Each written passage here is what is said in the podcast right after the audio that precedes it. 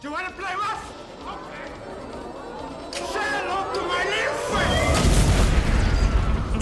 Hører på Filmmaraton med Stefan og Andreas.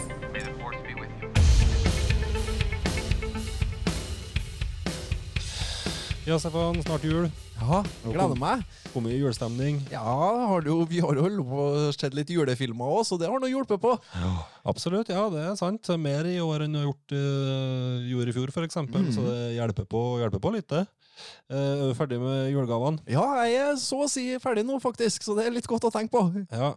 Alt er på, alt er på plass, og den store dagen kan bare komme. Til og med pakka inn, ja. Ja, Hvis det er noen som uh, fortsatt uh, stresser, så kan de jo prøve å gå inn på hifilife.no og se om det finnes noen gaver der. Det er mange som vil bli glad for å få noe derifra. Ja, der er det mye, mye gode produkter som, som uh, gjør seg under juletreet. Ikke sikkert dere rekker å få det i posten nå før jul, men hvis dere stikker innom butikken i Jommelvika, så kan dere jo sikkert få plukka det opp der. Ja.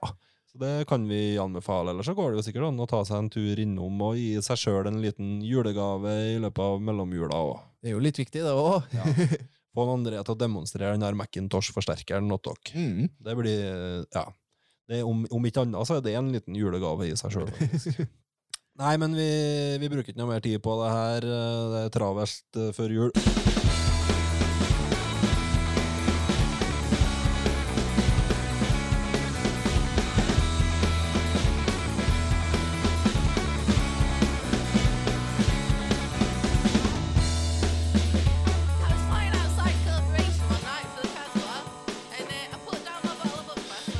Ja, da har vi kommet til julefilmepisoden av uh, Filmmaraton. Ja, nå er det ikke noe spørsmålstegn bak lenger. Nei, nå er, det, nå er det bankers, nå er det, nå er det jul. Nå er det ikke bare sånn som later som det er julefilmer, nå er det jul. Ja, og det, det her er filmer som man bør se i desember, og skal du få fullt utbytte av dem, kanskje. Ja, det er her er filmer som vil være litt rart å sette seg ned og se på sommeren, faktisk. Ja. Eller, ja.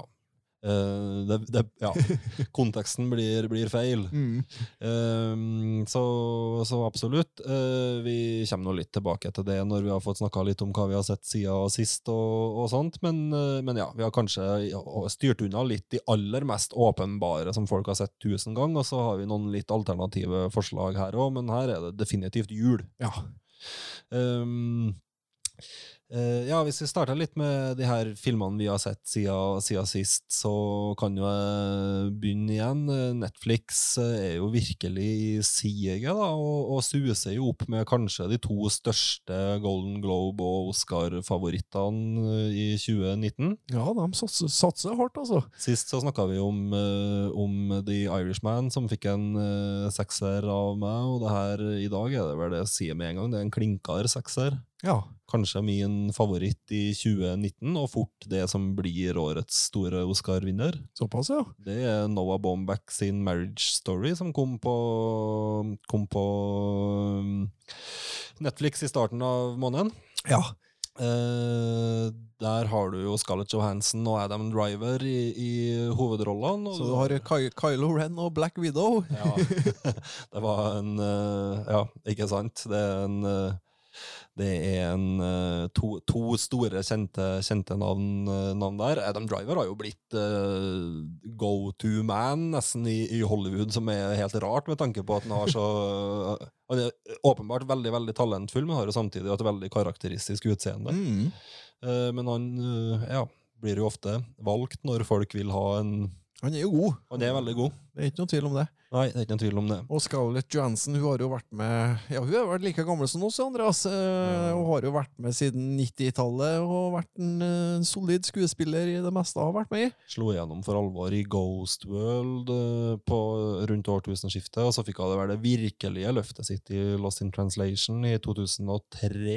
Ja, det må vel være den første sånn ordentlig voksne rollen hennes. Ja, hun var jo også med i den her eh, Robert Redford um, Hestehviskeren. Ja, Ja. og har vel for alvor og da etablert seg som en av de største stjernene vi har i Hollywood. Har Mhm. vært, vært lenge, lenge nå, egentlig. ja, et solid, solid navn. Ja. I tillegg så er jo Ellen Alda med her. eh, Laura. Å ja, han uh, gode gamle hockey fra Mæsj. Ja, ja. Han uh, og, og en av og, og, og Laura Dern selvfølgelig er jo en outsider her til beste kvinnelige birolle, både på Golden Globe og Oscar. Ja, for det her, det, det, her er, det handler om skilsmisse, men de, ikke på samme måten som War of the Roses, da, vil jeg tro. Ikke så veldig Nei, det er ikke det. Det er mer seriøst uh, gjort. Og, og når Noah Baumbach lager film, så vet vi jo at et av målene hans da er å, er å gjøre det så virkelighetsnært som mulig. Eh, han er jo veldig tydelig inspirert av en del av de her gamle mesterne, både kanskje Casavetes og Woody Allen og Ingmar Bergman, egentlig. Veldig sånn tydelig inspirasjon fra alle dem, alle dem tre. Og som blir veldig tydelig med at han velger for eksempel, å ha med da, Ellen Aall, da, som er en av Woody Allen sine favoritter òg, ikke sant? Eh, som blir veldig en sånn tydelig tydelig tilknytning til den der tradisjonen der med, kall det litt sånn New York-drama, da. Ja. En gammel Ellen Alda nå. Ellen Olda er over 80, er han ikke? Ja, det må nå vel være. Det er han. Han har jo sin egen podkast som vi kan anbefale folk å sjekke ut, der han snakker litt om livet og, og forskjellig, da. Ja, det er han, ja. Ja, ja, så han er, nei, han er en veldig, veldig bra fyr på alle vis, egentlig, og gjør en bra rolle her òg. Mm. Og Laura Dern liker vi jo òg, Ja. siden vi så henne først i Jurassic Park. Ja. Uh, og ja, absolutt. Eh, så Noah Baumbach, eh, som sagt, han er jo den, han er veldig god til å skrive dialog og regissere skuespillerne sine på en sånn måte som folk faktisk er, og folk faktisk prater. da. Mm. Som gjør at du av og til i filmene hans så snakker folk i munnen på hverandre, eller prøver å Ja. hverandre, få samtalen over på andre spor, og ja, rett og slett dialog som kan ligge oppå, oppå hverandre. Mm. Eh, Tarantino gjør jo òg i det her i noen grad, ikke sant? Eh, noe av det samme, men han vil jo alltid være mye mer Ja, det, eh, det, der er det spissa. ja, Tarantino forlanger nok at hvert eneste ord uttales nøyaktig, sånn som det er skrevet og Mm. perfeksjonert i manuset, ikke sant? Mens Bombeck nok i større grad òg gir rom for skuespillerne sine til å improvisere innenfor, mm. rammene. Her er det realisme som skal være eh, Og han er veldig veldig god på det, og det her er nok sannsynligvis uh, kalle mesterverket til Noah Bombeck. Fort den filmen som kommer til å definere karrieren hans når man ser tilbake på den i ettertid. Ja. Her kommer han til å få enormt mye priser og, og utmerkelser, helt garantert. Mm. Eh, og, og ja, er nok den nye den nye kalle milepælen eller touchstone i, i, i karrieren hans. Um, han bryter denne realismen et sted i Marriage Story. Det diskuterte jo litt eh, en kompis jeg så den sammen med, at eh, det er en stor krangel her der de virkelig hater hverandre.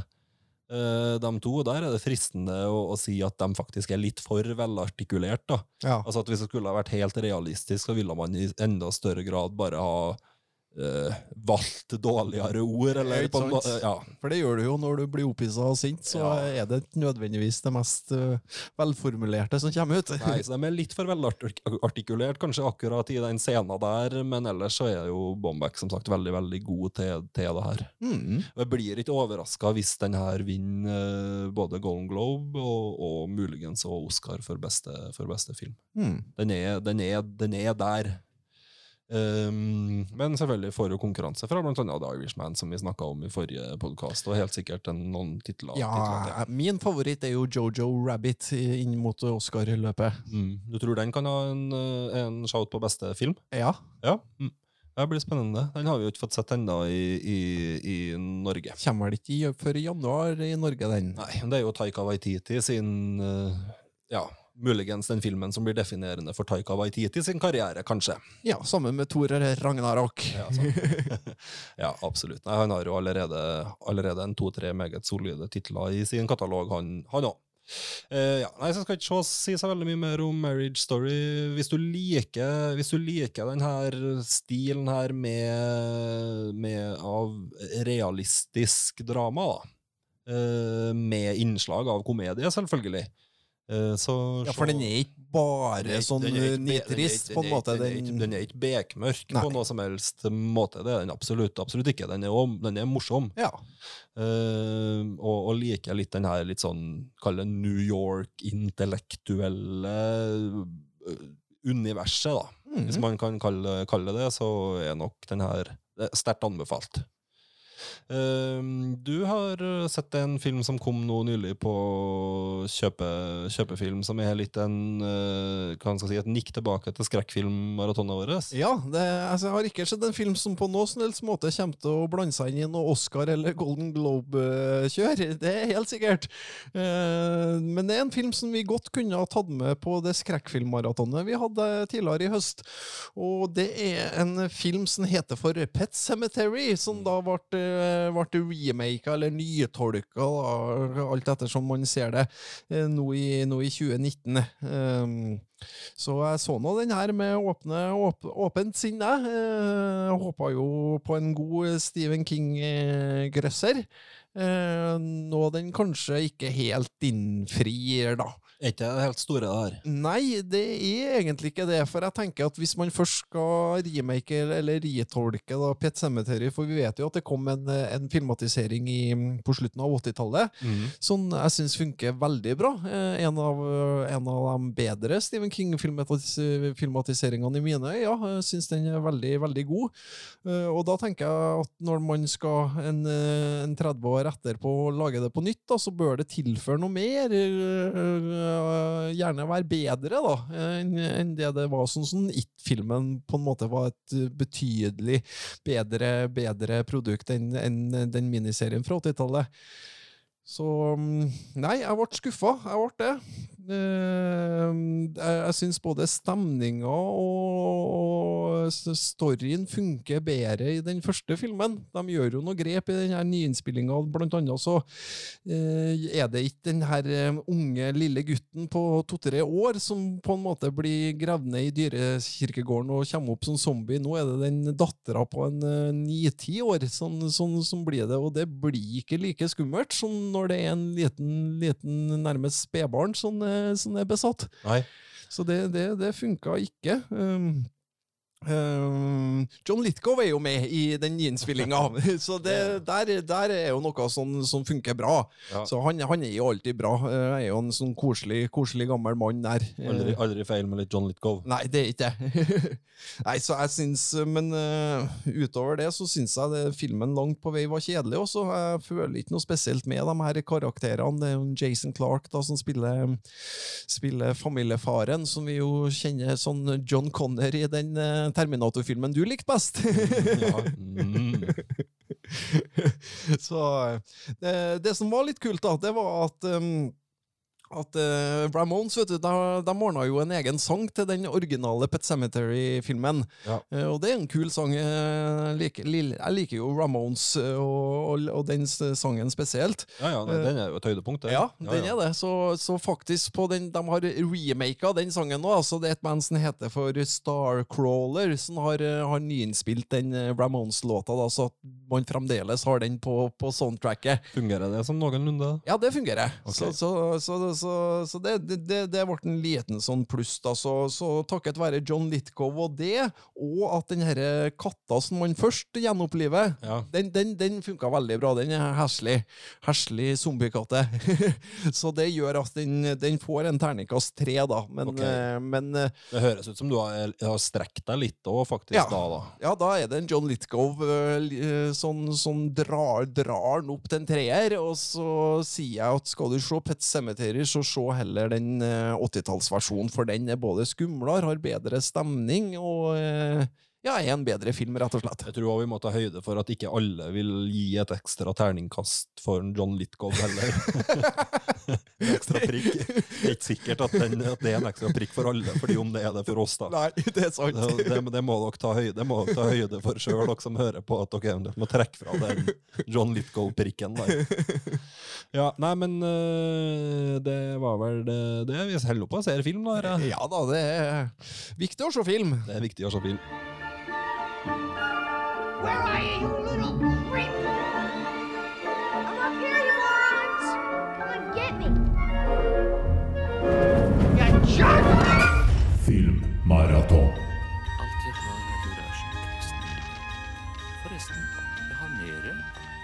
Eh, som sagt innledningsvis så har vi jo fokusert eh, den eh, uka her på julefilmer. Mm. Eh, det finnes jo mange etablerte klassikere innenfor den eh, sjangeren. Vi har jo Hjemme alene, som er en film som mange må se hvert år. Ja, det er en, både eneren og toeren er nok eh, er mange som ser i disse, disse tider, og blir jo sett hvert eneste år, og går jo også på TV-en hvert eneste år. Ja, og jeg får julestemning av denne. Ja, jeg òg. Bare, innrømme det, at den fortsatt gjør susen, den, i forhold til at det, det er noe som føles riktig, det er noe som klikker på plass når man, har, når man Mhm. sitter og ser på den i, i desember. Den største juleklassikeren for min del, og det er nok sikkert mange som hører på enig i, og det er jo Chevy Chase sin 'Hjelp, det er juleferie'. Den er det, den er det mange som ser eh, sånn dagene rett før jul, kanskje, og, og ja, den er bra. Familien Griswolds i julefeiring, altså. Eh, komedieklassiker. Ja. Eh, en som har etablert seg de siste årene, som mange vil se, det er jo Elf, Ja. eh, med Will Ferrell. Mm. eh, som òg er ja, litt mer en moderne, moderne komedie. Ja, jeg vil bruke klassikerbegrepet om, om Elf, men den er jo i Litt tidlig ennå, men den er i ferd, ja. i ferd med å etablere seg med et eller annet der, den òg. Mm. Uh, og så er det jo selvfølgelig den filmen som veldig mange ser eh, dagene før jul eller i løpet av jula. Det er jo, det er jo Love Actually. Ja, den, den har jo blitt en klassiker. Den kan vi stemple den på. Mm. Sjøl om de stemplene våre sitter ganske løst, da. Ja, vi, mildt sagt løst. ja. uh, den er ikke jeg, jeg så den jo nå.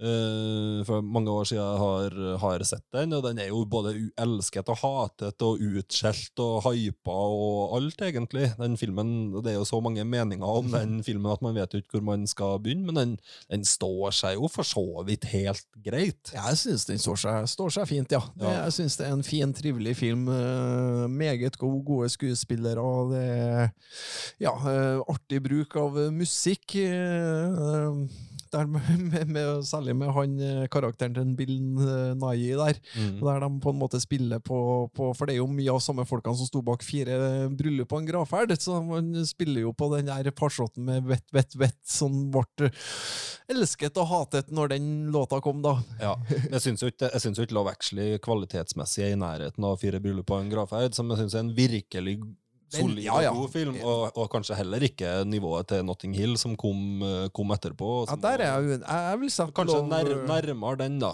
Jeg vil sette eh, ja, Fire bryllup og en gravferd. Den er på en måte udiskutabel på toppen, og så vil jeg ta Love Actually etter den, da, før Notting Hill for min del, men, men, jeg, du mener det? men, jeg, men jeg eh, ser, ser, ser, ser hvor du vil hen. Ja, dem, eh, men ja, det, det er jo den her britiske romantisk komedietradisjonen fra 90-tallet og starten av 2000-tallet. Og at Vi Hugh om her Grant må jo være med. Hugh Grant i, i hovedrollen. Som Og- nervøs el elsker. Og Rowan Atkinson bør helst være med i en liten rolle, sånn uh, klønete prest eller, eh, eller butikkmedarbeider, da. Ja. Men jeg har full forståelse for at folk syns Love Actually er too much. ja, det er jo det. Den er, jo, den er jo virkelig Den fyrer jo på alle sylindere her, der kanskje særlig Fire en gravferd treffer bedre på å være litt mer subtil, eller ja, litt mer sånn Den, har, den, har, den er mer sjarmerende, Fire bryllup og en gravferd. Ja, det, det er den. Det her er kjøpesentervarianten. mm, men eh, det, mm, er ikke dårlig, det heller. Nei da, den, eh, den holder seg, seg greit. Den, vi, det blir ikke noe slakt av Low Actually fra, fra oss. Å nei, jeg så den jo Jeg så har ikke sett den nå, men jeg så den i fjor, og både den og Alene hjemme-filmene er filmer som er med i en sånn syklus. da. Jeg ser ikke dem hvert år, men kanskje annethvert tredje hvert år. Tjener jo på å ha et bunnsolid cast, selvfølgelig. Ikke sant? Det er, sku, det er kvalitets, britiske kvalitetsskuespillere i alle ledd her, og Mm. klart at det tjener den nå ganske mye på. Mm. Og feel good, da, selvfølgelig. Og det, det hører jo ofte jula til. Mm. Eh, Hvilke filmer er det du må se i jula? Nei, det, det, er ikke noen jeg på dødelig må se Ja, hvert men år, nei. den her syklusen din, hvilke andre er det som er med der? Eh, Alene hjemme 1, Alene hjemme 2. Ikke, ikke noe eh, flere Alene hjemme-filmer. Nei, nei, nei. nei. Eh, men, eh, og hjelp til juleferie, da. Og, ja. Det er de her klassikerne. Du har ikke noen andre faste. Nei, ikke sånn jeg kommer på i farten, nei. Nei. Eh, jeg tenker jo Det er sikkert noen vi har glemt her òg. Folk har jo masse tradisjoner her. På, Ja. På julaften og se på Fire nøtter til Askepott og sånt. De er jo ikke så interessante, og de er jo så jælsnakka. Ja, de er det. Uh, ja. Så det. Så det og Flåklypa har nå pleid å gå på julaften i mange år. Nå er, er mulig den er flytta til andre juledag. I Ja, tillegg så har det jo kommet en, den der jul i Flåklypa. Kanskje noen begynner å ha i sin syklus. Det er noen tradisjoner som står seg, og noen nye som kommer, og folk lager sine egne. Og litt som vi var inne på i forrige podkast òg, at folk har forbinder forskjellige ting med, med jula, og har sine ting som de må se, se hvert år. Mm. Eh, det jeg tenkte vi skulle gjøre nå i denne podkasten, er at vi skal eh, dra fram noen som er sånn i, i grenselandet til å bli juleklassikere, kanskje. Ja. Som ikke nødvendigvis har den der vanvittige etablerte fanbasen som Alene hjemme og Love Actually og sånt har, men som uh, på ingen måte er noe dårligere kvalitetsmessig. Nei. Uh, som folk gjerne kan som, som kanskje er filmer som folk ikke har sett tusen ganger, tusen ganger før. Men sånn vi, vi, vi kan si at de kan godt komme inn i en syklus.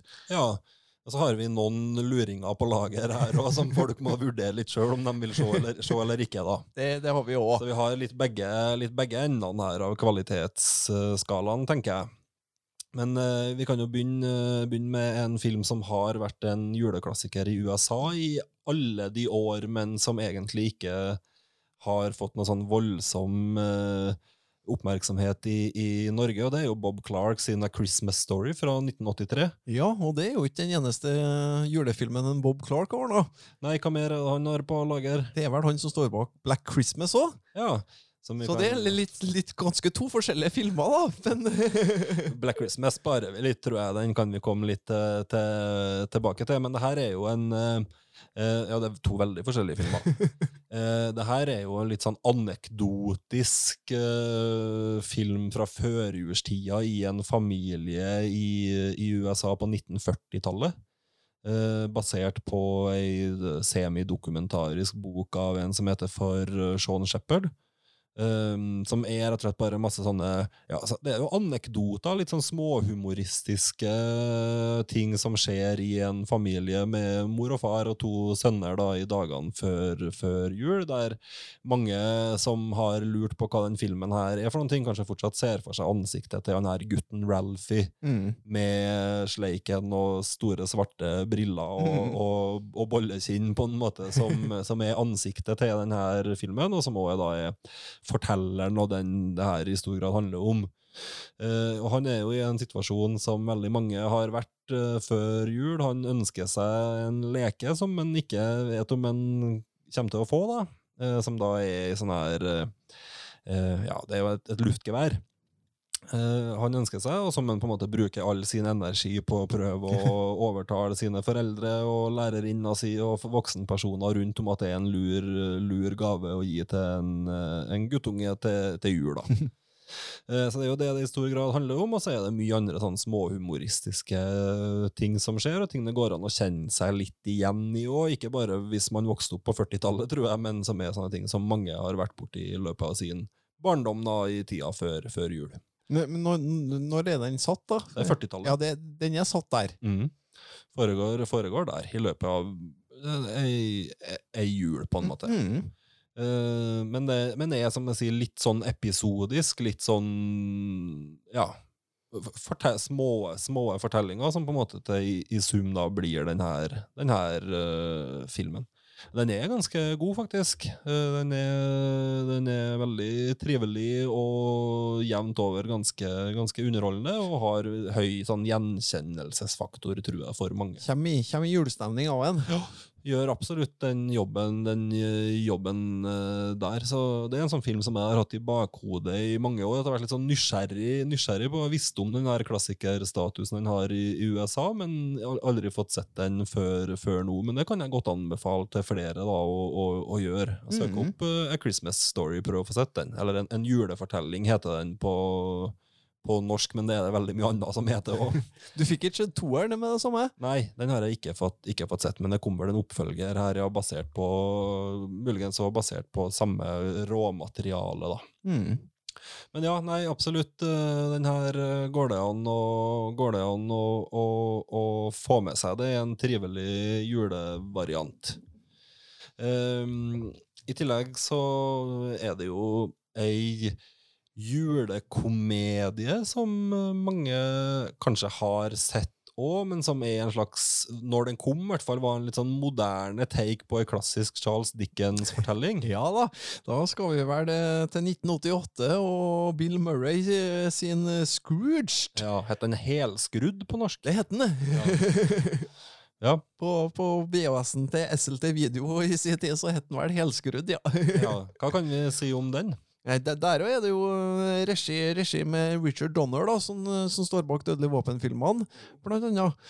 Uh, uh, og den er jo da basert på den her eh, Christmas Carol av, av Charles Dickens. Klassiske historier om, om eh, skum en skrue, den grådige mannen da, som, som får besøk av tre spøkelser og blir et bedre menneske etter det, da. Ja. Som er for så vidt en ganske klassisk uh, formel, da, men som langt på vei stammer litt tilbake hit, egentlig. Ja, og det jeg, vil, det jeg vil si er at en Bill Murray passer jo veldig godt i denne her eh, Scrooge-rollen. Uh, minner jo ganske mye om karakteren hans i Groundhog Day. Eh, fikk veldig assosiasjoner til den. Ja, og Groundhog Day er jo en variasjon over den her eh, Den her uh, Drittsekk som må gå gjennom et eller annet, og så Ja, blir den bedre. En veldig etablert uh, trope, da. Som Mhm. er det der Ja, du må, du må bli en bedre person, eller så blir du fanga i, i den her Ja, virkelig, en alternativ virkelighet, på en Mhm. måte. Ja. Den er jo veldig 80-talls, den her helskrudd. Ja, den, den, den er jo det. Veldig mye fokus på ja, det, er jo, det er jo en del morsomme ting her som er sånn satire over TV på 80-tallet, Ja, ma massemedia på 80-tallet, sånne type ting.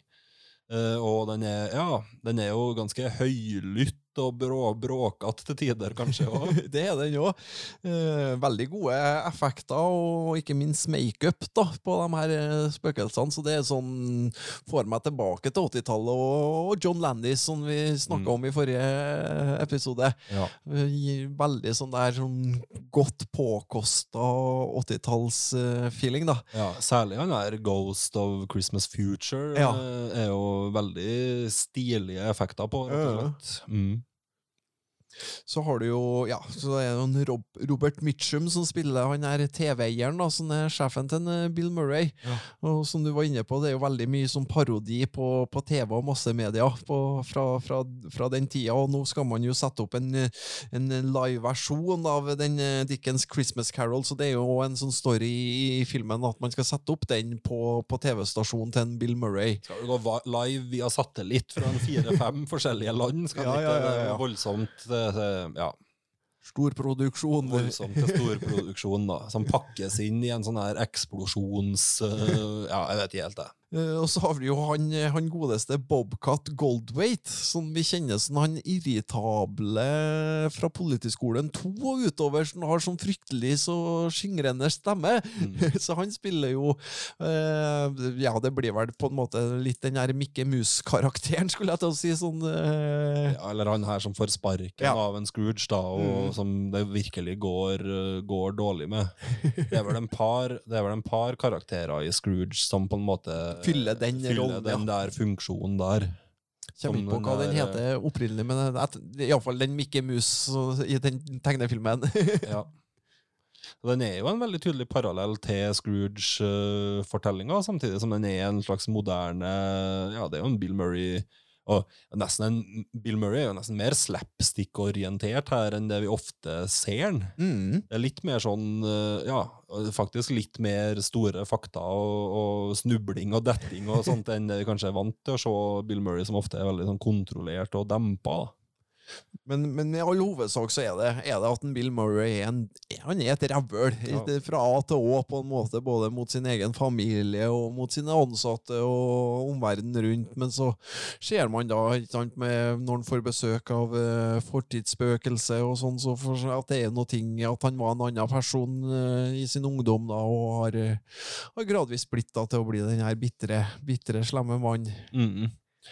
Ja. Veldig god musikk òg, av en eh, Dan Danny Elfman. Mm. Eh, Han er jo veldig gjenkjennelig. Det er jo han som eh, har ordna musikken til de fleste Tim Burton-filmene. Så jeg fikk jo nesten litt sånn Edvard Saxehånd-feeling på soundtracket med en gang, for det var, det var fryktelig likt, likt det, da. Ja, og da kan vi jo nevne både Edvard Saksehånd og, og, og A Nightmare Before Christmas, som òg er sånne filmer som mange ser i, i jula. Det er det. Er, ja, så Danny Elfman har er, er god, på, god på akkurat det der. Eh, ja, skal vi si noe mer om, uh, om den? Dette er jo ikke den eneste filmatiseringa av uh, fortellinga om Scrooge. Nei, det fins uh, råmange av dem. så hvis du vil ha maraton med bare Christmas Carol, så, så går det fint an. Ja. Så, men jeg tenkte nå jeg bare skulle nevne noen uh, filmatiseringer av den sånn, sånn jeg liker godt. da. Og da står nå Disney bak tre av dem. Ok, Ja, ja. og da er det jo den første eh, er jo den som jeg nevnte litt med Mikke Mus-karakteren. Det er jo der, der det er en onkel Skrue da som spiller Scrooge. eh, Og det, han heter jo Skrue fordi at han, den karakteren er jo inspirert nettopp av Charles Dickens sin Scrooge. ja. Eh, og du har den langbein som en Mali som kommer, okay, ja. og advarer om at det kommer spøkelser. Ja, riktig. Ja, ja så den, øh, den, den er jo en veldig, veldig fin tegnefilm. Kom i 1983 øh, og, og blir nå vist på TV med jevne mellom, mellomrom, den. Mm. Varer vel en ca. 40, 40 minutter. Ja. Så fin, fin, fin. og kanskje mange, mange som har sitt første møte òg med, med den historien gjennom den filmen, tror jeg. At det, det er den første, første gangen man ser den. Mm. Uh, så kom jo Disney i 1992 med en eh, meget god filmatisering av en, syns jeg. Da Eh, Da snakker vi om Muppet Christmas Carol, der det er en Michael Kane som spiller Scrooge. Ja. Så her har de jo en veldig, gjør noe veldig narr av eh, både historien og, og tidligere filmatisering av filmen og sånn. Det er en parodi. ja.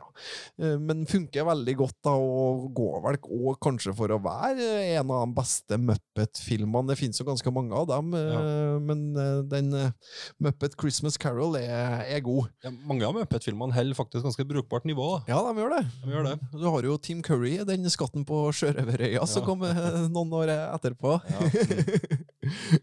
Og så kom jo i 2009 så kom jo Disney med Jim Carrey-versjon av uh, Christmas Carol, der det er Robert, eh, Robert Zemeckis som eh, står bak regia. Og det er jo den her um, live motion Ja, den er jo det er en slags animasjonsfilm. Ja, men uh, sånn er animert oppå det vanlige Mm. skuespillet, på en måte. Ja, ja. Eh, Jeg syns jo den lykkes veldig godt i forhold til julestemninga, og Jim Carrey er veldig god. Han spiller jo alle skuespill, alle, alle de her spøkelsene òg, i tillegg til, til, til Scrooge-rollen, da. Mm. Så eh, nei da, eh, jeg så noen på kino når den kom, og sett den på Blu-ray i ettertid. Det er ikke en film jeg ser sånn annethvert år, nei, det er det ikke. Den blir litt for masete, kan bli, men, men har ikke du sett den, så anbefales den.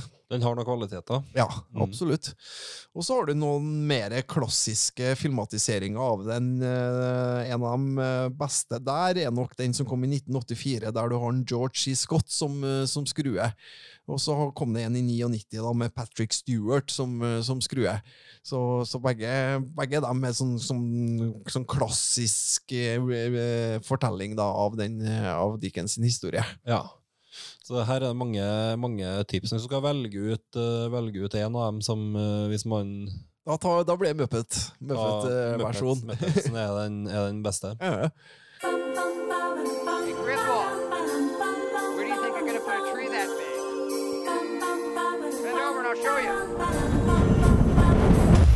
Filmmaraton. En film som kanskje bør, burde vært en juleklassiker, eller bør bli en juleklassiker. eh, Den har jo veldig mye av eh, klassiske julemoralen, hvis man kan kalle det det, i seg. Det er jo Satoshi Kon sin Tokyo Godfathers. ja. eh, som da er en eh, ja, en eh, anime.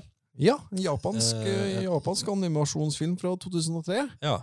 Eh, Satoshi Kon er jo sikkert kjent for en, en del av dem som hører på og Han har blant annet lagd denne filmen Paprika, for eksempel, som også var en, en sånn relativt stor hit i, i, i Europa. Og, og lagde den filmen her sammen med manusforfatteren bak Cowboy Bebop, for dem som er ja, litt, kjent med, litt kjent med hva det her, hva det her er for noen ting. Eh, det her er jo ei, ei, som jeg sier, ei klassisk julefortelling på mange måter, men samtidig jo veldig egenarta film som ikke ligner på så veldig mye annet. Ja, i hvert fall for oss som er mest vant med vestlig film, da, så er det, er det noe fortellergrep her som på en måte er ganske fresht for oss, oss da.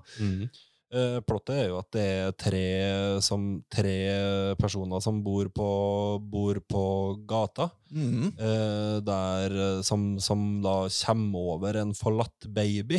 Mhm. Eh, men de bestemmer seg jo etter hvert for at de skal passe på denne babyen, i hvert fall til de klarer å finne de riktige Ja, foreldrene. For det så- gjør de jo. De skal jo prøve å finne, finne, finne ut da hvor, hvor den babyen her kommer fra. Ja, og så følger den jo en litt sånn episodisk mal, egentlig, der de reiser rundt i Tokyo i løpet av denne julaften og, og møter veldig mye forskjellige folk underveis. da. Mm. Eh, og kanskje får litt sånn en noir-feeling nesten der, i forhold til at de, man går liksom inn og ut av en del sånne univers som man får et lite glimt av. Mhm. Med liksom nattelivet i, i, i Tokyo, kan du si. Som vi, vi følger de her karakterene gjennom og møter veldig mye forskjellige, forskjellige folk. Både roter seg bort i yakuzaen og, og, Ja, det er noen mafiagreier der, ja. og, og mye, mye forskjellige ting Og i så løpet får du av jo- denne natta.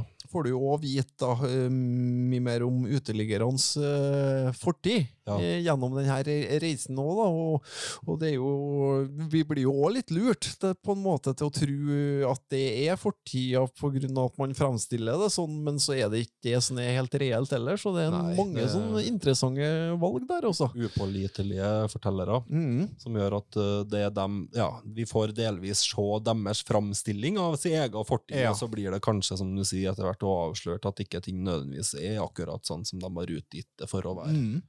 Uh, den filmen her er veldig bra. Den er meget solid, Det er den. Uh, anbefaler sterkt. Uh, og gjør en del ting som man veldig sjelden ser i vestlig film, som du var litt inne på her i, i sted. Mhm.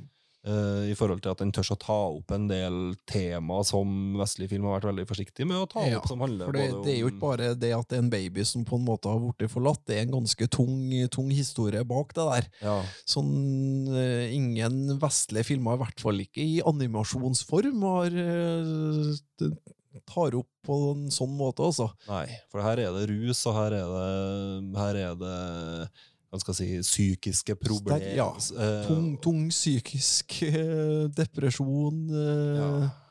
Og som blir tatt opp på en veldig fin og ordentlig måte. ja. Så vi må gi denne filmen veldig kreditt, kreditt for. Den er, den er veldig veldig godt skrevet, og, og ja.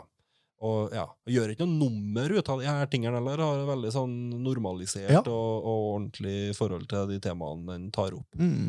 Og har hjerte, veldig etter hjerte.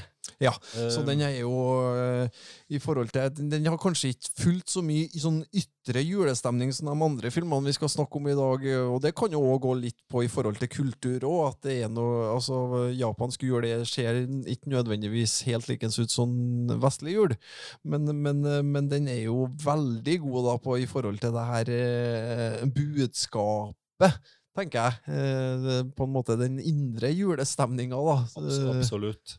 Nok, av alle filmene vi kommer til å snakke om både i dag og i forrige podkast, er nok det den filmen her som faktisk treffer best på noe av den her eh, budskapet Ja. i, i jula, som Ja. kanskje er litt lett å glemme av og til, da, oppi all ståket og bråket, bråket rundt det.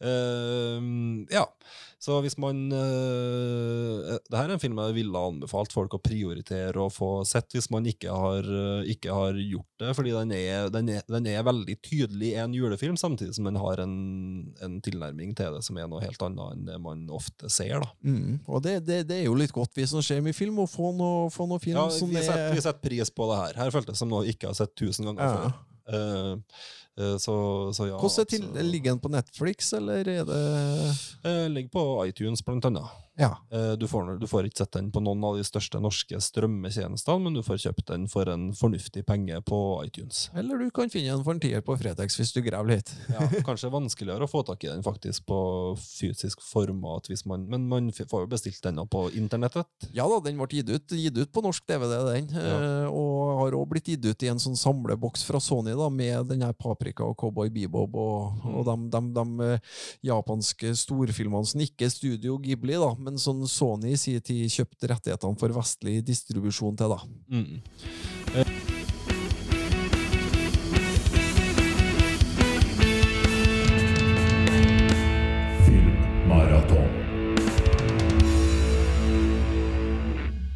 Eh, Det var vel på en måte de tre kalde kvalitetstitlene vi hadde valgt ut i dag. vi har nå flere kvalitetstitler. Ja, ja, nei, det, det er ikke så verst. Vi kan vel si at herifra ut så blir det litt mer blanda drops. Ja da, det kan vi si. Eh, vi skal ta med oss en eh, Den her er jo helt i grenseland til å være en, kalk, en, en kalkun. eh, og det er jo Arnold Schwarzenegger sin bjelleklang, eller originaltittel da, 'Jingle All The Way', som kom i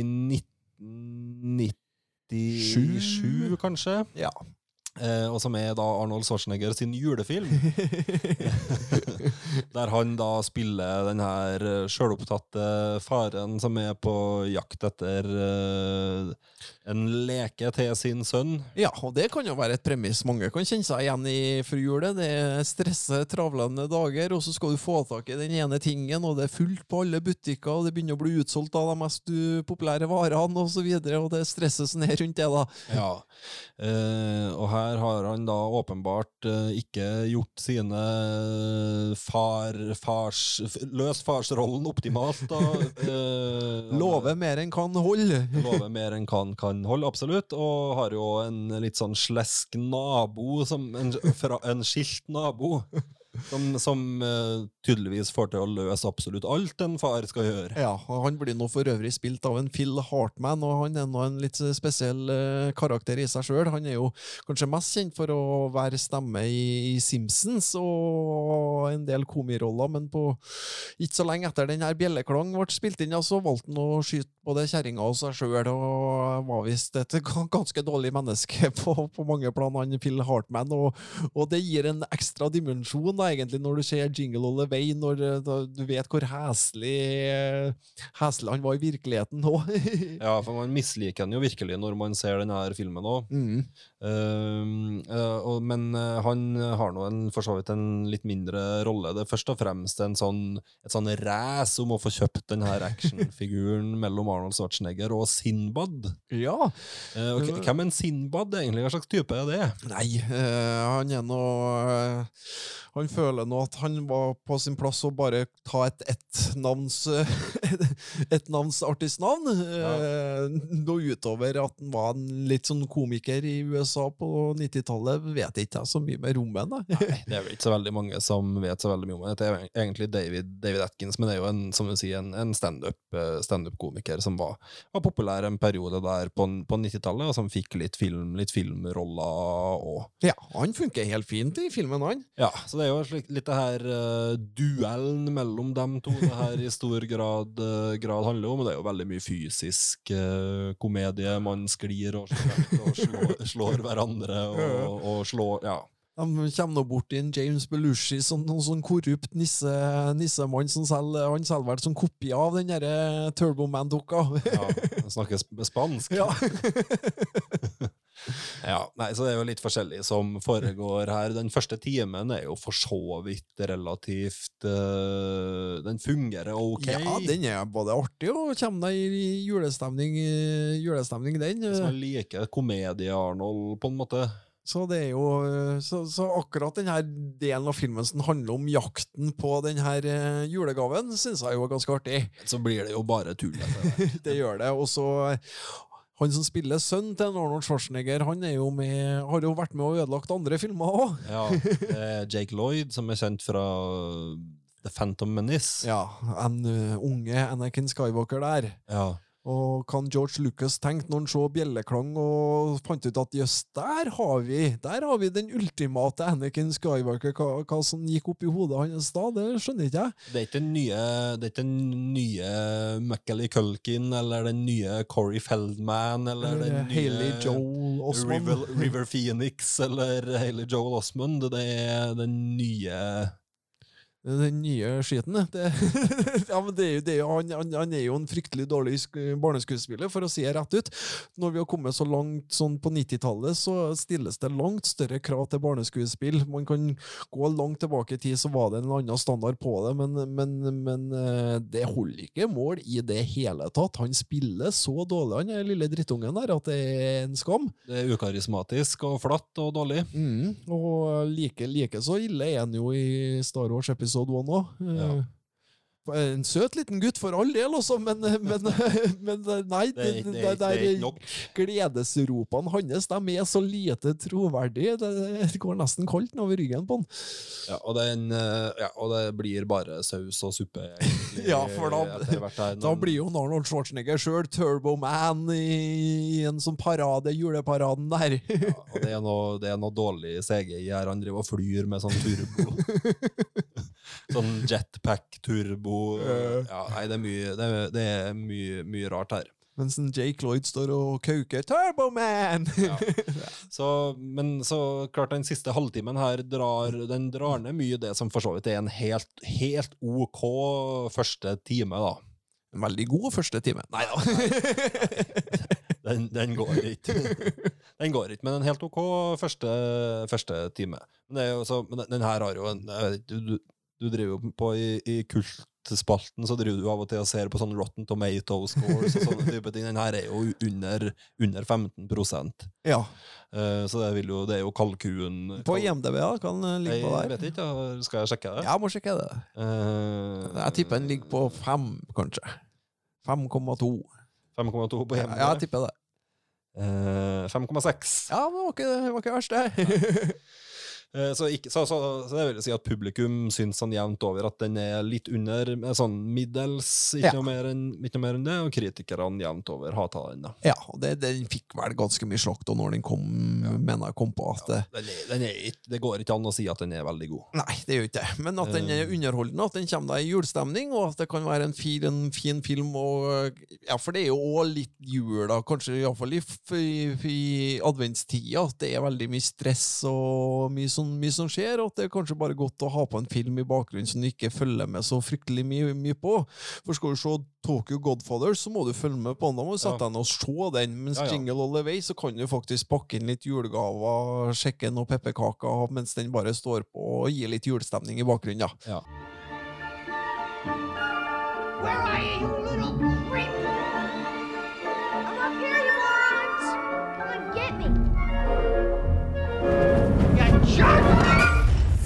Med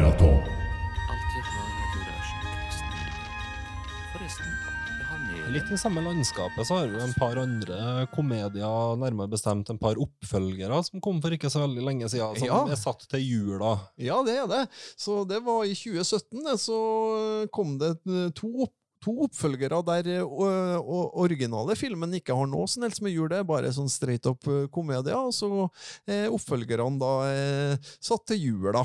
Og jeg kan jo snakke med den eh, oppfølgeren jeg likte eh, likt minst, da.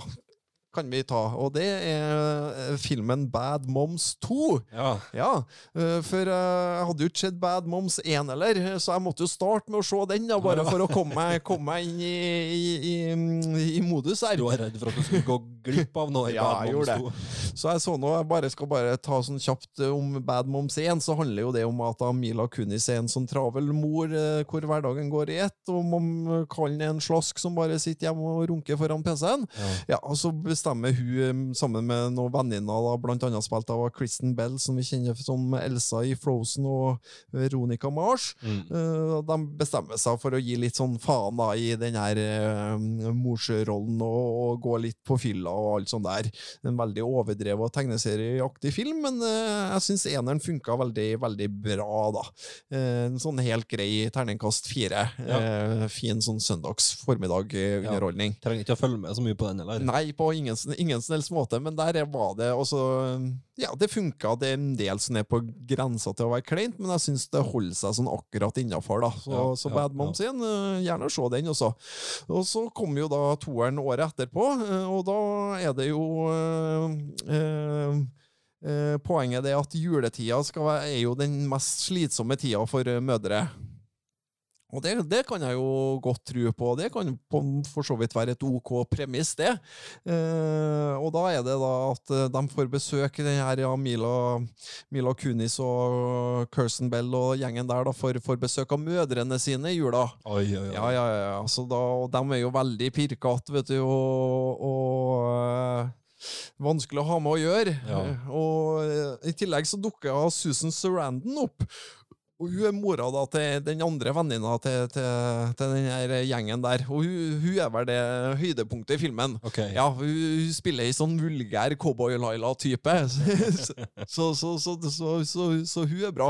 Men uh, ellers så er jo filmen mye godt en kopi av den første, bare at der man klarte å holde seg innafor før det ble for kleint på den første, så tipper det helt over på den andre. Okay, det, det er så teit og patetisk, de der eh, gi faen-scenene på en okay, måte ja. der. At, at du nesten sitter og, eh, og ikke klarer å se på det, og blander inn en skikkelig teit love story med en mannlig stripper her. Ok, så det, det, er, eh, det er svakt. Det er veldig svakt, og som man skjønner er det jo at de er jo veldig strenge og litt dårlig forhold til de her mødrene i første del, men så er det da over akkurat på natta fra julaften til første juledag, da så eh, ja, tar alle de tre mødrene og skifter mening da, og blir bedre mennesker okay. uten at vi helt skjønner hva motivasjon For det er jo ofte i jul Ja. at man skal gå den veien, men måten det blir gjort på i Bad Moms 2, det, det, det er så svakt gjennomført. og det okay. ja, det, funker ikke, og, og, filmen avslutter også med et skikkelig heslig musikalnummer. Nei, Nei. Takk. Nei, så uh, av meg så får den her en eh, En, en karre seg opp på treeren, da. Nei, det, det, gjør, det gjør det ikke. Det er bullshit, faktisk. Det er bullshit hvis du passer det. Nei, ja, den gjør det, og vet du hvorfor den gjør det? Og, og det, det, Det- er er sånn-. Det er sånn greie du har med at du ikke skal gi terningkast to til Nei, nå. nei, nå, nå må jeg få snakke ferdig litt. Ja. Ja, for at det- den er egentlig en terningkast to. Ja. Den er det. Men så eh, Susan Sarandon hun er med og drar den opp. Hun drar den ikke helt opp til treeren, men hun er med og drar den godt opp. Og så er det det at det, når det kommer til ytre julestemning, i forhold til å ha på noen julegreier i bakgrunnen mens du holder på med noe annet, så funker den greit. Så den er jo flust av yt, sånn ytre julestemning, glitter og gull og og, og, og ting som er jula, så derfor så, så pikker det tar den, kommer den seg opp på en svak treer. Jeg har jo fått kritikk i denne podkasten for å være for snill med, med karakterene, men eh, her syns jeg jo du er Ja. ja, men også, Nei, men- nei, også er, det, er det igjen, ikke sant? Altså, det er jo det er jo lagt penger i det. Det, Ja det er da kompetente folk både foran og bak kamera. Det er ikke sant, lyd og lys og sånn. Alt det der er jo ikke noe Er jo på plass, på en måte. Og, og, så, så derfor føler jeg ikke at jeg kan gi den noe mer slokk enn en svak treer. Nei, folk får jo tolke sjøl, da. Nei, men det er greit. Du har en luring til her, det er Daddy's Home 2. Ja, den likte jeg atskillig bedre, sjø. Ja. Det gjorde jeg, og der er nå eh, egentlig første, første filmen eh, handler jo da, da om den her eh, den her eh, godhjerta, men nerdete stefaren Will Ferrell, som prøver da å vinne sine stebarns gunst, og må konkurrere da mot den ekte faren som blir spilt av en Mark Wahlberg, som vi jo husker best fra nyinnspillinga fra Planet of the Apes. Ja. og han spiller jo den der tøffe pappaen, da, barske. Ja. barskingen. Mark. Ja. og eh, ja, så den første, første filmen handler jo om rivaliseringa og det som skjer mellom dem, da, mens i film nummer to så er jo forholdet mellom dem to eh, veldig bra, og man skal da arrangere felles jul etter ønske fra, fra ungene, da. Og da har du jo en eh, Mel Gibson, gledelig å se igjen han, da, ikke så ofte vi, vi får sett han, og han spiller jo da, den en, kanskje enda barskere faren til en Mark Wahlberg, alltid kledd i svart og jævlig, ja, han skjørtejeger er han vel òg. Tidligere astronaut. Ja, skikkelig, skikkelig harding, men ikke så god på det her følelsesmessige, relasjonelle forholdene, da. Avstumpet, heter det. Følelsesmessig avstumpet, sto det i manus. Ja. og um, som motsvaret til, til han, da, så er det en John Lithgow, som vi jo eh, elsker, som spiller faren til en Will Ferrell. Og eh, jeg syns jo han stjeler nesten denne filmen. Han spiller jo, han er jo sant, den glade, joviale, pratsomme, men selvfølgelig også veldig slitsomme karakteren. Eh, litt, sånn, litt sånn John Candy i Train, Planes og Automobil. Ja, altså, det, det er er jo helt, ingenting eh, vondt i den, men veldig slitsom, veldig mye prate, prate, prate. og John Lithgow er veldig, veldig artig i den rollen, syns jeg, da. Eh, Så da, da er det jo at, eh, at den hele gjengen her drar for å feire jula på ei flott hytte som en Gibson har, eh, har, har, har leid. Og her ser du jo litt ting jeg ja, det er noen morsomheter her som funker mer eller mindre, da. Det kan man, kan man si. Det, det det Noe detter over til å bli dumt og ikke funke, mens noe er, holder, seg, holder seg greit, da. Sånn er, sånn, sånn er ganske, ganske artig. Men jevnt over trivelig syns jeg det er hele veien. det. Mm. Um, og det er jo selvsagt da forviklinger og motsetninger i dagene, dagene fram, mot, eh, fram mot jul. Ja. Jeg, jeg syns den her ble slitsom, da. Jeg synes den her ble litt i overkant for litt i overkant for min del, men jeg kan være, jeg liker jo John Litka, så jeg kan jo for, for, for så vidt være enig, enig i det. Han er bra. Jeg er med på det. Ja, ja, nei, han er vanskelig å ta på noen ting. og ellers så slutter jo filmen med at de, eh, det kulminerer at man skal på juleactionfilmen Mistletoe, som, ja. som en, eh, Liam Neeson har hovedrollen i. Ja. Men så ender jo det, så går jo strømmen, så blir det jo eh, Ja, den er kanskje på kanten til å være en klein musikalnummer, det òg, men den fungerer mye bedre enn hva eh, det musikalnummeret i Bad Moms 2, så da er det jo Do They Know It's Christmas Time, eh, sånn alle innpå den kinoen bryter ut i, da, mens Mel Gibson han holder en sånn basstone under sangen, og, og John Lithgow han er nå helt med på flere av versene der. Eh, og, og Gibson og Lithgow de blir jo gode venner, dem òg. Så dem- det, det hadde jeg kunnet tenkt meg en spin-off på, faktisk. For de, reiser jo til Vegas for å feire nyttår der. Oh, ja, ja, ja. Så det, det kunne vært en litt, litt kul film, Lithgow og, og Gibson i, i Vegas. Så nei da, den får en eh, Jeg syns den var underholdende, og igjen masse sånn ytre julestemning, da. Sånn, eh, sånn fint for å ha på, ha på i bakgrunnen. eh. Så den, den får en sterk firer, da.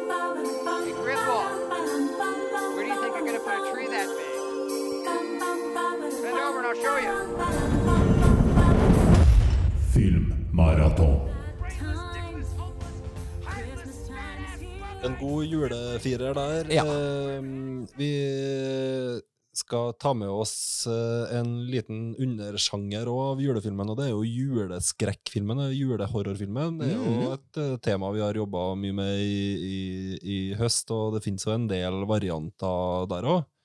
Eh, blant annet kommer jo nå i disse dager på kino kom jo en nyinnspilling av eh, den her eh, Black Christmas, som vi nevnte innledningsvis. Ja. Den der er jo Første filmen kom vel i var det 74, da, tror jeg. Og så kom det en nyinnspilling i 2005-2006. Eh, fryktelig dårlig nyinnspilling for øvrig. Og så kommer det en, kommer det en Bloom, Bloomhouse-variant nå, da, som kan være ålreit. Mm.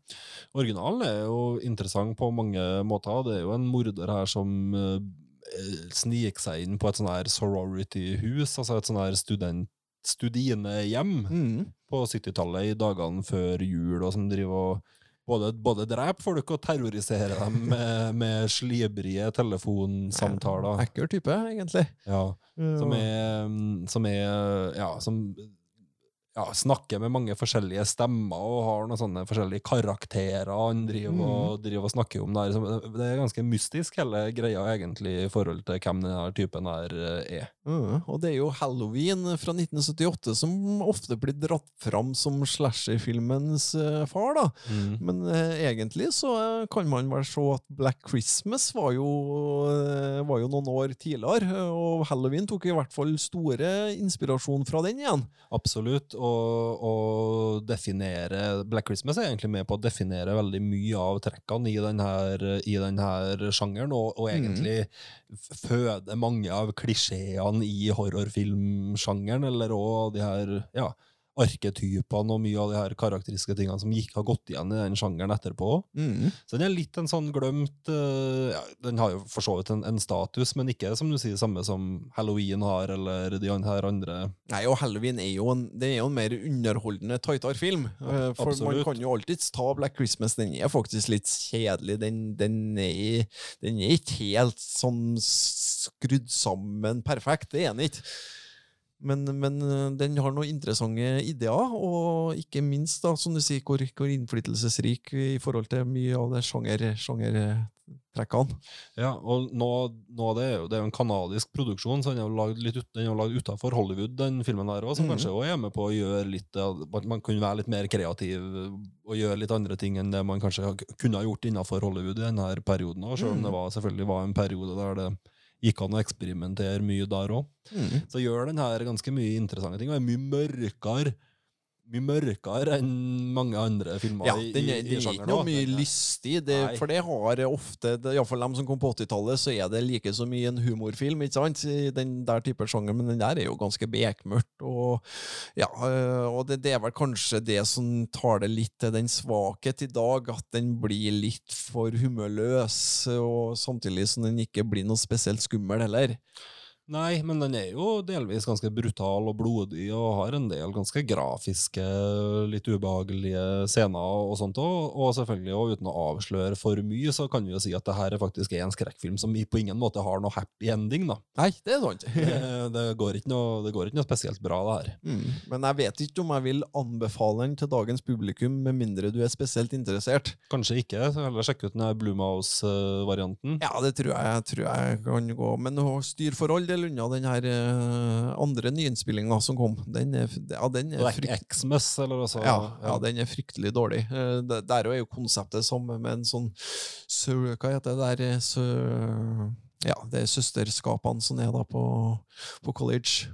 Jeg har lest litt om den, og litt av greia med originalen er jo at man ikke vet hvem morderen er. Mm. Det er veldig mystisk rundt det her med, med morderen og med de her karakterene og sånt, mens i den her uh, Black Xmas så får man vel et sånn veldig intrikat, forklart motiv, motivasjon og sånt for Ja, hva ja. den her morderen driver på med, som egentlig bare Og så er det dårlig gjennomført. Altså, Ja. det, også, den kunne ha vært samme storyen, men, men det er rett og slett bare for dårlig regi.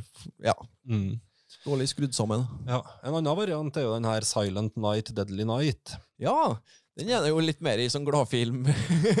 Gladvold. Ja, det her er jo et klassisk eksempel på en sånn her B-horror som uh, mødre ikke ville at folk skulle leie på VHS på, på, på 80-tallet. da. Det er jo, den har Den er jo ordna for å være spekulativ, ikke sant? er, det er klassisk spekulativ uh, rett på video-horror. eh, med mye umotiverte nakenscener og litt sånn halvekkel stemning overalt, og, mye, og, og mye, veldig mye grafisk, uh, grafisk vold. da. Mm. Kappe av hodene og ja, veldig sånn Dårlig skuespill. Og... Dår- Dårlig skuespill, veldig dårlig skuespill.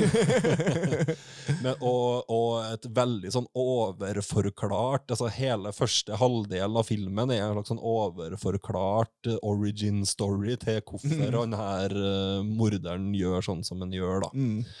Med liksom en ung en som ser sine foreldre bli drept på julaften av en fyllik i Ja. nissekostyme. Så får vi se liksom hele den her oppveksten hans via, via et barne... Altså, han bor jo på barnehjem der noe litt sånn halvslemme nonner driver og, og fysisk avstraffer han hver gang han når han blir redd for julenissen. Og, og så, veldig sånn det er sånn veldig intrikat psykologisk forklaring på hvorfor han ender opp med å, å klikke og bare drepe en hel haug med ungdommer her en julaften. da. Mm. Når han får på seg nissekostyme sjøl, så, så er det et eller annet som klikker opp i hodet på han, og så begynner han å hogge hodet av folk og sånt. da. Filmen eh, ble jo, ble jo sånn produsentene ville, en stor suksess på eh, videosjappene på 80-tallet, den, så den eh, fikk jo masse, masse oppfølgere. Men var vel også såpass kontroversiell at den måtte tas av kino tidligere enn det som var planlagt. Og ja, hadde jo, som du sier, veldig mye av det her som karakteriserer en film som for, ungdommer på 80-tallet helt sikkert veldig gjerne ville se. da. Mm. Så nå har det vel, jeg vet ikke om det kom en fire-fem oppfølgere. Eh, Ja. Så uh, toeren skal jo være kanskje den, den som er mest i kult, kultsegmentet, for det, det, der topper det vel seg i forhold til dårlig skuespill og Den er i kultsegmentet, den her òg. Ja. Jeg og du kunne jo lagd noe i den gata her, på en måte.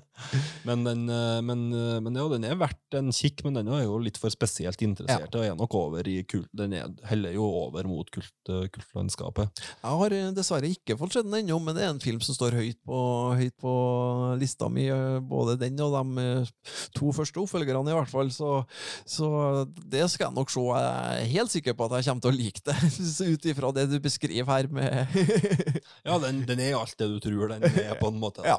Eh, det, det, det er den. har lagd, lagd for en slikk og ingenting. Ja. Det ser, det ser du òg, delvis, da. ja. Men, men ja, har noen ok praktiske effekter, og, og ja. Men ja. Um, følger med litt på han hoved Følger med litt på skuespillet til han hovedkarakteren når, når det tar av. Eh, en som eh, kanskje fungerer bedre på mange måter, det er jo en film som kom i 2015. eh, Som heter for Krampus. ja. Eller det skal vel uttales med tysk aksent, helst. da.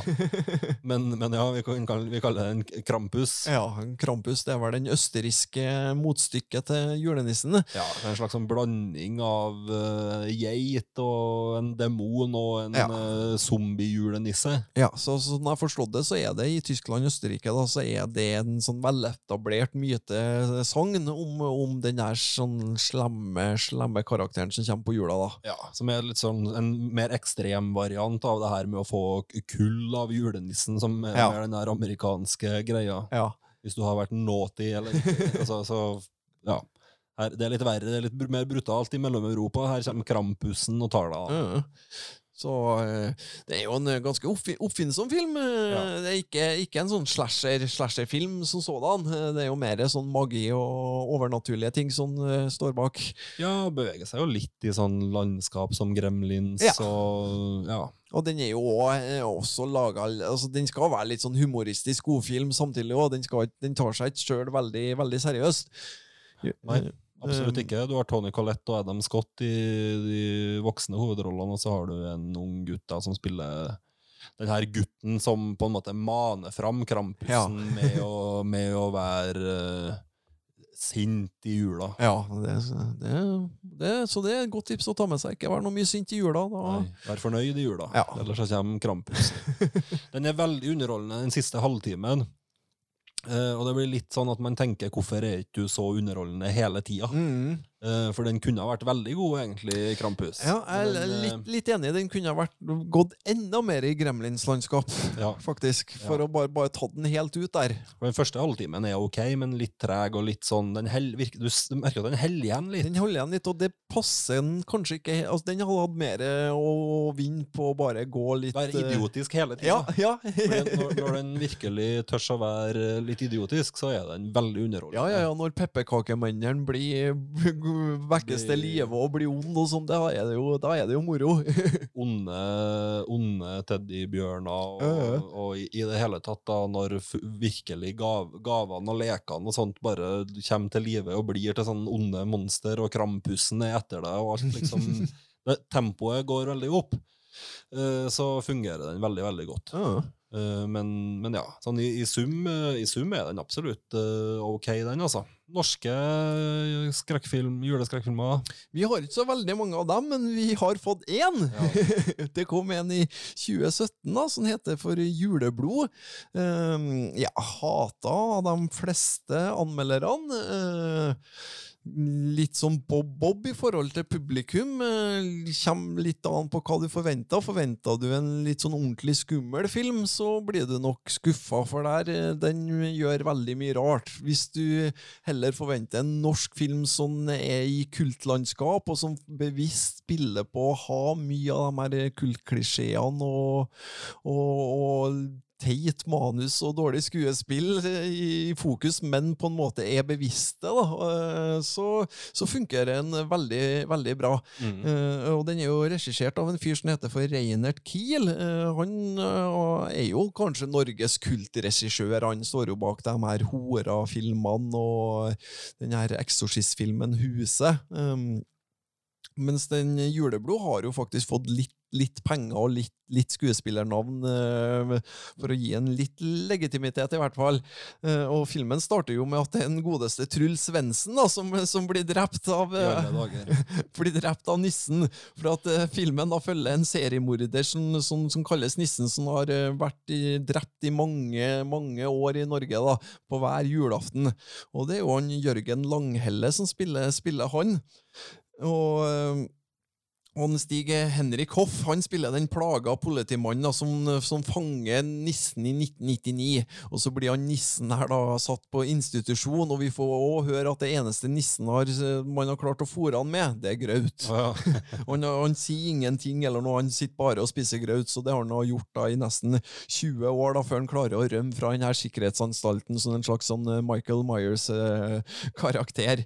Eh, og oppi dette her da, så følger, følger, følger vi en jentegjeng oppe i Honningsvåg. Jaha. Ja da, så de har noe Ja, det, det, det, det Jeg vet ikke hvorfor de er samla der. eh, De, de, de skal nå iallfall feire, feire jul i et hus i Hon, Honningsvåg, og, og nissen er jo på tur dit, da. Ok.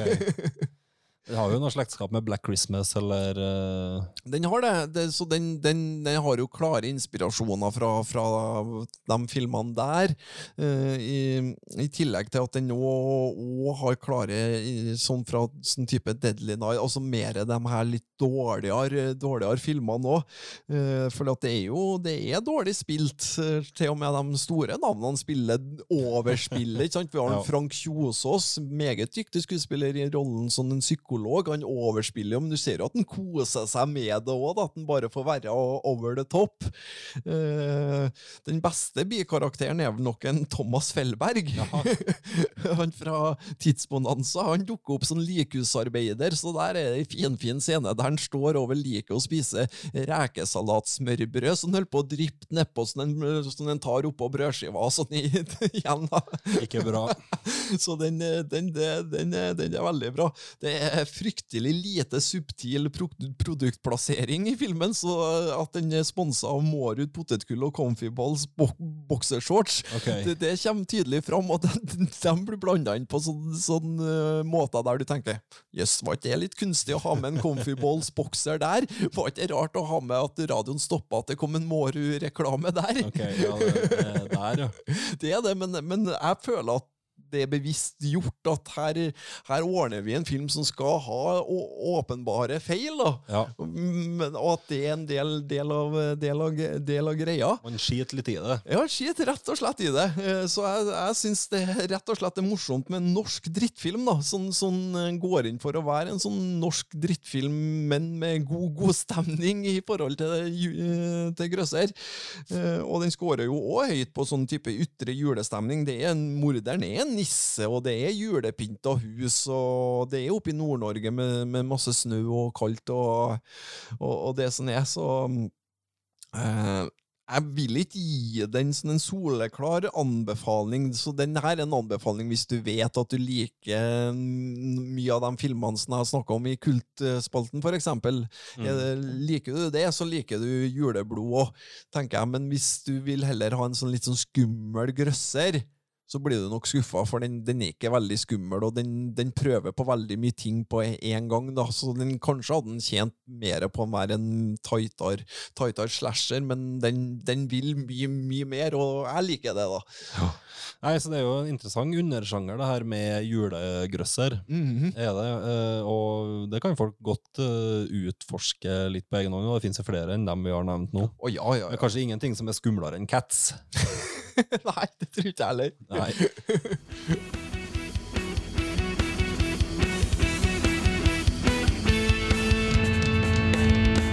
Filmmaraton.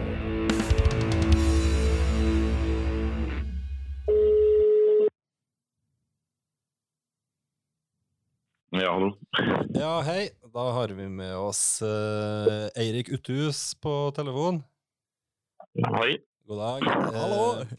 Du er jo, du er jo aktiv på Facebook-sida vår, eh, Eirik. Og vi har jo fått med, deg- fått med oss at du har hatt et litt annerledes eh, julefilmmaraton nå i november og desember. Ja, Kan du, det stemmer. kan du fortelle litt om hva, hva det er for noen ting? Nei, det var vel eh, jeg og madammen som egentlig fant ut at vi skulle se samtlige nye filmer som Hallmark produserte i løpet av 2019. da. Oi, oi, oi. Hallmark, de, de har jo litt forskjellige. Nei, de har egentlig ganske mye likt. ja, det er sant. det, er vel egentlig, det, er- vel egentlig det de har, da. For at de har jo en eh, enorm fabrikk som bare spyr ut julefilmer. Det var sånn 40 julefilmer i år. oi. Og alle har liksom et budsjett på to millioner dollar. da. Så, Ja, det er på en måte... så det er bare en fabrikk som bare produserer julefilmer. Og så tenkte vi at vi skulle prøve å sette alle, da. For å få alle er 40? Alle 40, ja. Å, fy flate. Har dere kommet langt nå? 21. Oh. oh, oh, hva, hva, er, hva er gjennomsnittslengden på en av dem her, da? Men ja, med gjennomsnittslengden alle er like lange òg, vet du. alle går alle klokker inn på 1 time og 20 minutter. Ja, det gjør de, ja. Alle slutter likens så, vil jeg tro. Alle slutter med kyss. ja. Alle avsluttes med et kyss, ja. Hva er, hva er sånn grove trekk i handlinga i de her filmene, da? Grove trekk er stort sett det handler jo selvfølgelig enten det er to vrier da, ofte. Da. Det er enten så er det en ei dame da, som har fått karriere i storbyen, som, flytter, som hjem til jul. Oi. Og der møter hun eh, en kjekkas da, og finner meninga med jula og livet. Og, og, slutter mer eller mindre karrieren i storbyen og blir igjen i hjembygda. Ja. Ja. Møter, møte drømme, drømmen på en bar i, i Midtvesten. Ja, det er ikke så mye ballbar, da, men, men ofte er det ja, en sånn inn-type Ja. overnatting eller så er det ofte en eh, bedrift som sliter litt. Ja, ja. Eller så Og det er ja. knallgodt skuespill, vil jeg tro, på hele rekka. ja, det er jo masse avdanka TV-skuespillere, da. Så, eh, men det er noen, eh, noen som glimter, syns jeg. Det er det som er litt artig. at- Altså, vi har sett nå 21 av de 40. Altså, ikke alle 21 er nærmet seg OK engang, men, men eh, de, de som de som Stefan kanskje ville ha kastet en fire på, Ja. de, de, har, de har noen OK prestasjoner. da. Ja. Ok, ja. Er det noen spesielle titler du vil dra fram her, hvis noen har lyst til Eller vil, skal folk, hvis folk skal sjekke ut det her, skal de kaste seg på galskapen og se alt, eller, vil, eller er det en par titler du kan anbefale? Jeg ville ikke, jeg ville ikke ha gått for å se alt. Altså. Jeg har, eh, ja, for du, jeg har du blir ikke litt ødelagt i hodet når du ser så mye som 20 Hallmark-filmer på rappen? Jo, men vi ser dem heldigvis ikke på rappen. da. Danmark starta jo pushe dem i slutten av oktober, ikke sant. Ja, ja, ja. Og så begynner de etter fire i helga. Bortsett fra i den der eh, Thanksgiving-uka hvor det var én hver kveld. da. Oi, oi, oi, oi. Men det er der vi begynte å ramle av, for vi har jo et liv utenom filmshowing òg. Så vi har reist bort ei helg, og hun hadde eksamenstid, så plutselig så lå vi ti filmer etter. det gikk fort, det. Det er vanskelig å holde trøkket oppe. ja, så vi får se om vi rekker alle 40 før året er omme. Oi, oi, oi, oi, oi, oi. Ja, nei har jo, vi har jo kjente skuespillere som Jodie Sweetin har jo vært med i en av dem. ja, fra, fra Full House. Yes. Og så har jo altså jeg meg, og vi har ikke sett den ennå, men hun, eh, hun andre fra Full House, hun Candice eh, DJ Tanner? Ja, DJ Tanner. Hun er jo liksom Hallmark som Hun er jo liksom the Hallmark queen, ikke sant. Ja, Så hun, ja, ja, ja. Så hun, hennes film gleder jeg meg til, da, men vi har ikke kommet dit ennå. Den, den er et mulig høydepunkt. Mulig høydepunkt. men, eh, altså, den filmen med Jodie Sweetin var ikke noe bra. Den heter Marion Bright. Altså, den var jo, men uh, Jodie Sweetin trekker jo det opp. Og, det handler, og der driver hun en sånn uh, candy cane-fabrikk. Ja, Som, som sliter selvfølgelig litt med businessen, for den er veldig sesongbasert. da. ja. ja. så, den så da kommer det inn en kjekk konsulent da, vet du, som skal redde, hjelpe å redde bedriften. Da, vet du. Altså, litt sånn, så finner de kjærligheten. ja skjønner. Og klarer å redde bedriften. Ja. Nei, vi Sånn får. Vi har jo egentlig allerede sett så mye julefilmer at jeg vet ikke om vi orker noe mer i år, da, men, vi, men eh, gi, gi oss e- én tittel du vil dra fram, hvis vi, hvis vi skal se bare én. Det, da ville jeg tatt 'Holiday for Heroes'. Det var 'Holiday for Heroes'. Stefan, var- Stefan noterer her nå. Det var faktisk en som gikk litt utafor oppskriften, da, kan du Ok. si. Den eh, starter veldig annerledes enn alle andre Hallmark-filmer jeg har sett. Og, men den ender jo opp med altså, Det er jo, det er jo juletrepynting, og det er jo alt det samme som i, på en julefest. Det er det jo selvfølgelig. Og, rød kjole der, som i alle andre filmer nå. Ja. Men det liksom, den, valgte, den hadde en litt annen vri, da. Så den kanskje den nærmer seg en firer på terningen. da. Oi, nei, det er ikke så verst. Nei, men da um, eh, vi, Jeg tror vi, vi runder av der. Vi syns jo det her er veldig sprekt. Vi må jo bare, bare si det. Det er jo etter, etter, etter vårt hjerte, det her. Det er det. Ja, Vi gjentar det neste år, men vi får se. Ja, for de kommer med 40 hvert år òg. Ja, jeg tror det er rekord i år, da. Så Ja. Jeg håper jo de eh, tenker å gi ut noe mer. eh, enn 40 i året. Ja, det er hvert år, da. De har det der countdown til Christmas-kalender. De begynner jo i oktober. Uff, uff, uff. De hadde vel, hadde vel faktisk en den har vi ikke sett, da, men jeg tror de slapp en i juli, bare for å tease. Nei, dæven! Ja, ja. Nei, du får ha takk for praten, Eirik, og god jul. Jo, og god jul. God jul, ja. At vi kanskje snakkes i mellom, mellomjula. Ja, OK. Ha det bra. Ha det godt, da. er bra. Where are you little creep? I'm up here, you morons! Come and get me! You jerk! Filmmaraton.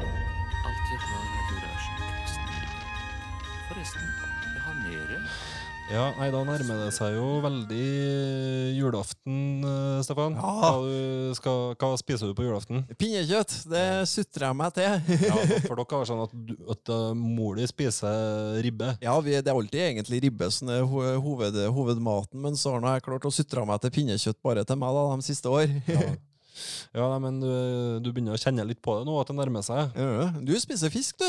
Jeg har brukt å gjort det. I fjor så var det reinsdyrstek. Oh, ja. Så det, kan, det er spennende. Ja. Nye, nye tradisjoner eh, i, hos oss. ja. Um, så vi får, vi får se. Jeg vet ikke helt ennå hva vi får servert. Hmm.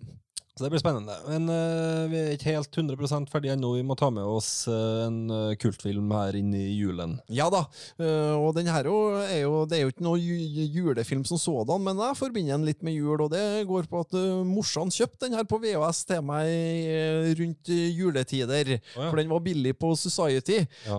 Nei, på, på, Europris, og filmen jeg snakker om heter Society. Ja. og den kom da fra 19, den er fra 1989 og er regissert av en kar som heter Brian Jusna. Ja. eh, Som er jo en, eh, et kjent navn innen kultfilmmiljøet. eh, Står jo bak alle de her Reanimator-filmene. Så, så det en Han var jo for øvrig på Oppdal nå i høst, i forbindelse med den Ramaskrik-festivalen. Ok, ja. Så der var han jo og vi- og viste den her første Reanimator-filmen, og, og stilte opp på signering og noe sånn prat da i- etter, etter filmen. Du sendte meg jo noen snaps her litt utpå natta og satt og så på det her, og det, det ser jo helt sprøtt ut. Ja, det er, det, det, er, det er en fryktelig sprø film, den her Society. er det. Eh, det, det Handlinga er jo at vi følger, følger han um, Billy Warlock. vet du, Han var jo en skuespiller sånn, eh, som slo igjennom i Baywatch, og hoppa vel av etter et par sesonger på, på Baywatch for å bli, bli filmstjerne. da. Uh, noen ikke ble.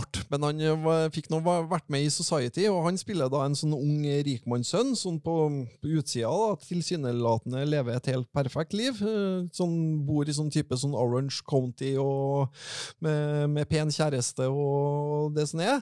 Men, uh, men han er jo Han føler jo seg veldig mistilpass, da, og han, han går til psykolog, og han plages med at han ser ekle ting som en er litt sånn usikker på. Er det syne, eller er det det, det han ser? Eh, og, og, og det hele er jo pakka inn. De har jo gjort seg veldig flid i forhold til effektene her. Uh, det er en fyr som heter for eh, Screaming Mad George, en eh, japaneser, som, eh, som står bak uh, effektene. Jaha. Eh, Ja. og, og du så vel litt av det klippet, Det er jeg sendte deg. eh, Praktiske effekter, sånn gummi... gummi og veldig glad i å vri på kroppsdeler, Ja, ja. smelte sammen kroppsdeler. Det Men, klippet, men på en animert måte, da. Ja, ja, ja. eh, Så absolutt. Så det klippet jeg sendte deg, da er det vel en kar som prøver å suge ut livskrafta fra en, og så får, som motsvar da, så tar han, tar han hånda handa opp i, opp i analen og gjennom kroppen og ut i kjeften, før han da tar, tar tak i kjeften og så vrenger kroppen. Ja, det var Jeg så det holdt på å toke av litt der. Eh, Så det er en veldig, veldig bisarr film, og, og sånn i starten av filmen så sitter vi, for den er den har jo formspråket til en såpeopera, såpe mm. men den er, den, er, den er så mye smartere enn hva den fremstår til å være. da. Eh, Og så I starten av filmen så blir du sittende og, og lure på er det han Billy som er gal, eller er det, er det noe her som ikke, ikke stemmer. Eh, og den her fremmedgjøringa som han, han Billy kjenner, kjenner, kjenner veldig på, den er jo ikke bare innbilt, det. Det viser jo seg at det er et eh, society, et, et samfunn der sånn eh, ja, eh, det er litt vanskelig å forklare, men han finner jo ut at både mora, faren og søstera er med i noen sånne eh, store orgier som han først får høre på lydbånd, og så viser det seg at de driver på å smelte kroppene sammen. Han ser søstera si med kroppen bak fram i dusjen og sånn, eh, så her er det, her er det mye rart. Og, det får sånn Cronenberg-vibe. ja, ja, eh, Cronenberg er ikke noe dum, dum assosiasjon til, til det her. Eh, og, og mye av mm, Selv om den på en måte er ytre er en veldig sånn C-film, men med veldig gode og brutale effekter, så prøver den jo nå å si noe om eh, fremmedgjøringa man kan føle i et eh, velferdssamfunn. da. Ja.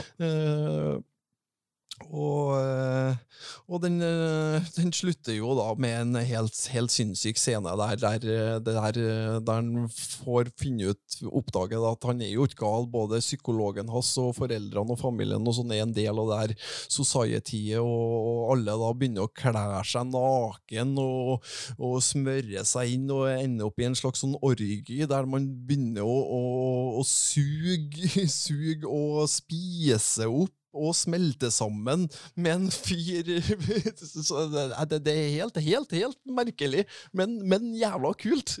Jeg syns jo det høres ut som nivået på denne spalten holder på å gå litt opp nå. Ja! jo da, de, de, de to, to siste kultfilmene, de, de, det, her, er det, her er det ting som, som er interessant, også, på, utover at det er, er litt dårlig skuespill og sånn, men Du må eh, passe på at ikke kultfilmen blir bedre enn de andre filmene i podkast. Ja, det, det er sant, for at, for at eh, den Society er en, en, en god film, altså. Ja. Men eh, Men med noen klare ja, Ja. altså du må jo Så jeg, jeg mener å komme på at når morsan kjøpte den VHS-en, så så var ikke det noe film. Hun, hun skrudde vel av den sjøl ganske fort. Ja. ja For det, det, hun er jo veldig glad i grøssere, men ikke en sånn her type sprengt i hodet-grøsser. Det ble- for mye. Eh, Ja. Så uh, Alt, Society eh, men det kan ikke være it. Alt kan ikke være it. Nei, det, det, det, det hører morsan jeg vet å høre på, så det Alt, alt kan ikke være it, Laila. Det går ikke. Nei, men dere får ha en hyggelig julefeiring i morgen, begge to. Både Ja. du og Laila. Ja, du òg. Eh, og så kommer vi vel til, kanskje tilbake i mellomjula, da, med Ja, vi Eller gjør vi det? Vi, vi, kanskje vi skal prøve å få ut en liten sånn uh, At vi bare tar en eh, Det blir en sånn, sånn kortepisode med litt VHS i, kanskje? Ja, ta en sånn VHS-nostalgivariant. Ja, som kanskje man kan kose seg med i romjula? Ja. Ja. Nei, men da sier vi det, tror jeg. Det gjør vi. vi får god jul til deg og din mor, som sagt, og til alle dere som, eh, som hører på. God jul! God jul!